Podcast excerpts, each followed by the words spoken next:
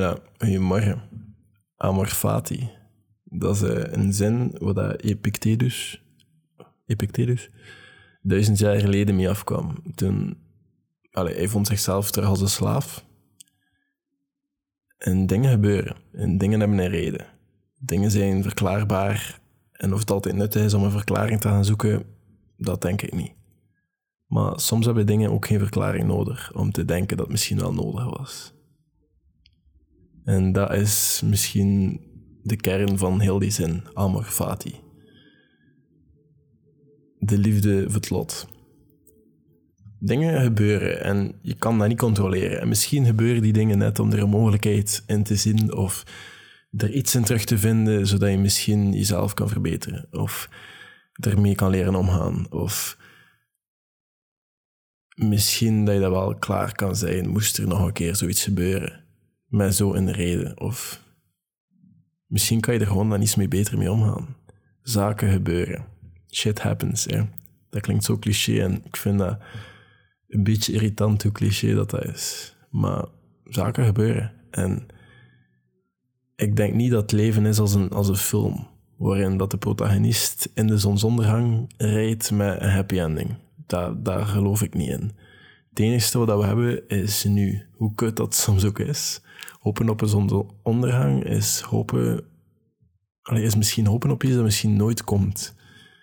En ik denk niet dat dat gelukkig zijn is.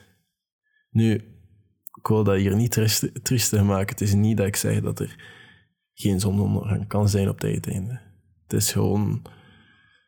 Het is absoluut niet mijn bedoeling om deze podcast triestig te maken, want het is denk ik wel positief om rekening te houden met, met Amor Fati, of letterlijk vertaald, de liefde voor het lot. Dingen gebeuren voor een reden en je hebt er geen fucking controle over.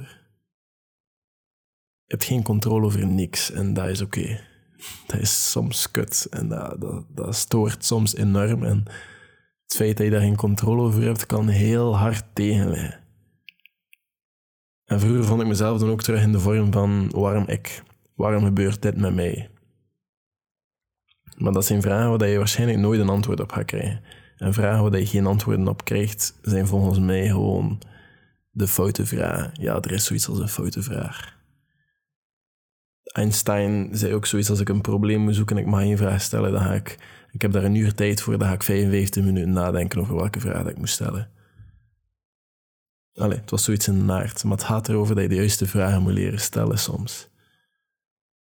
Het enige wat je kan doen, is kijken hoe je reageert op bepaalde dingen. En soms jezelf terug letterlijk alle dagen opnieuw proberen oprapen. Totdat je op een dag kruipend, al begint mijn dag, en telkens ietsjes verder van de grond kan beginnen in de hoop dat vlotter gaat. Of straks, of vandaag, of nu. Ik heb ooit ergens gelezen dat Amor Fati een beetje letterlijk een antwoord goed is op alles wat er gebeurt. En soms zelfs in het extreme. Ik ben depressief. Hoe? Nu kan ik uitzoeken hoe dat ik hieruit raak, zodat ik mezelf en andere mensen in de toekomst misschien beter versta. Of zo kan ik uitzoeken hoe dat ik mezelf gelukkiger kan maken. Iemand is gestorven. Goed. Nu kan ik leren met zo'n situatie omgaan en leren dat alles niet zo zeker is en dingen eindigen. Dat klinkt allemaal zo super negatief en misschien zelfs een beetje nihilistisch tot een bepaalde hoogte, maar ergens hoop ik gewoon ooit tot het besef te komen, denk ik, dat je, na, naar die zonsondergang aan het kijken bent allang. Er zijn conflicten nodig om een goed verhaal te maken. En een conflict is gewoon iets dat jou tegenhoudt tot die zonsondergang. En misschien is dat gewoon het verhaal dat je nodig hebt. Misschien is er, alleen misschien plaatst het universum mensen in je leven om die dan vervolgens terug weg te halen, voor whatever reden dan ook. Zodanig dat je kan leren wat dat, wat dat schoonheid of de zin het hagoe je niet kan leren. En ik denk graag dat dat er een, een goede natuurlijke balans is. Ook al ben ik daar niet volledig van overtuigd. Maar ik denk dat graag dat wanneer het er gegeven wordt, allez, wanneer het er genomen wordt, dat er altijd terug mocht gegeven worden. Maar we zien wel, er is een conflict nodig en soms moet je gewoon dingen laten gebeuren en het enige wat je controle over hebt is hoe dat je daarmee omgaat.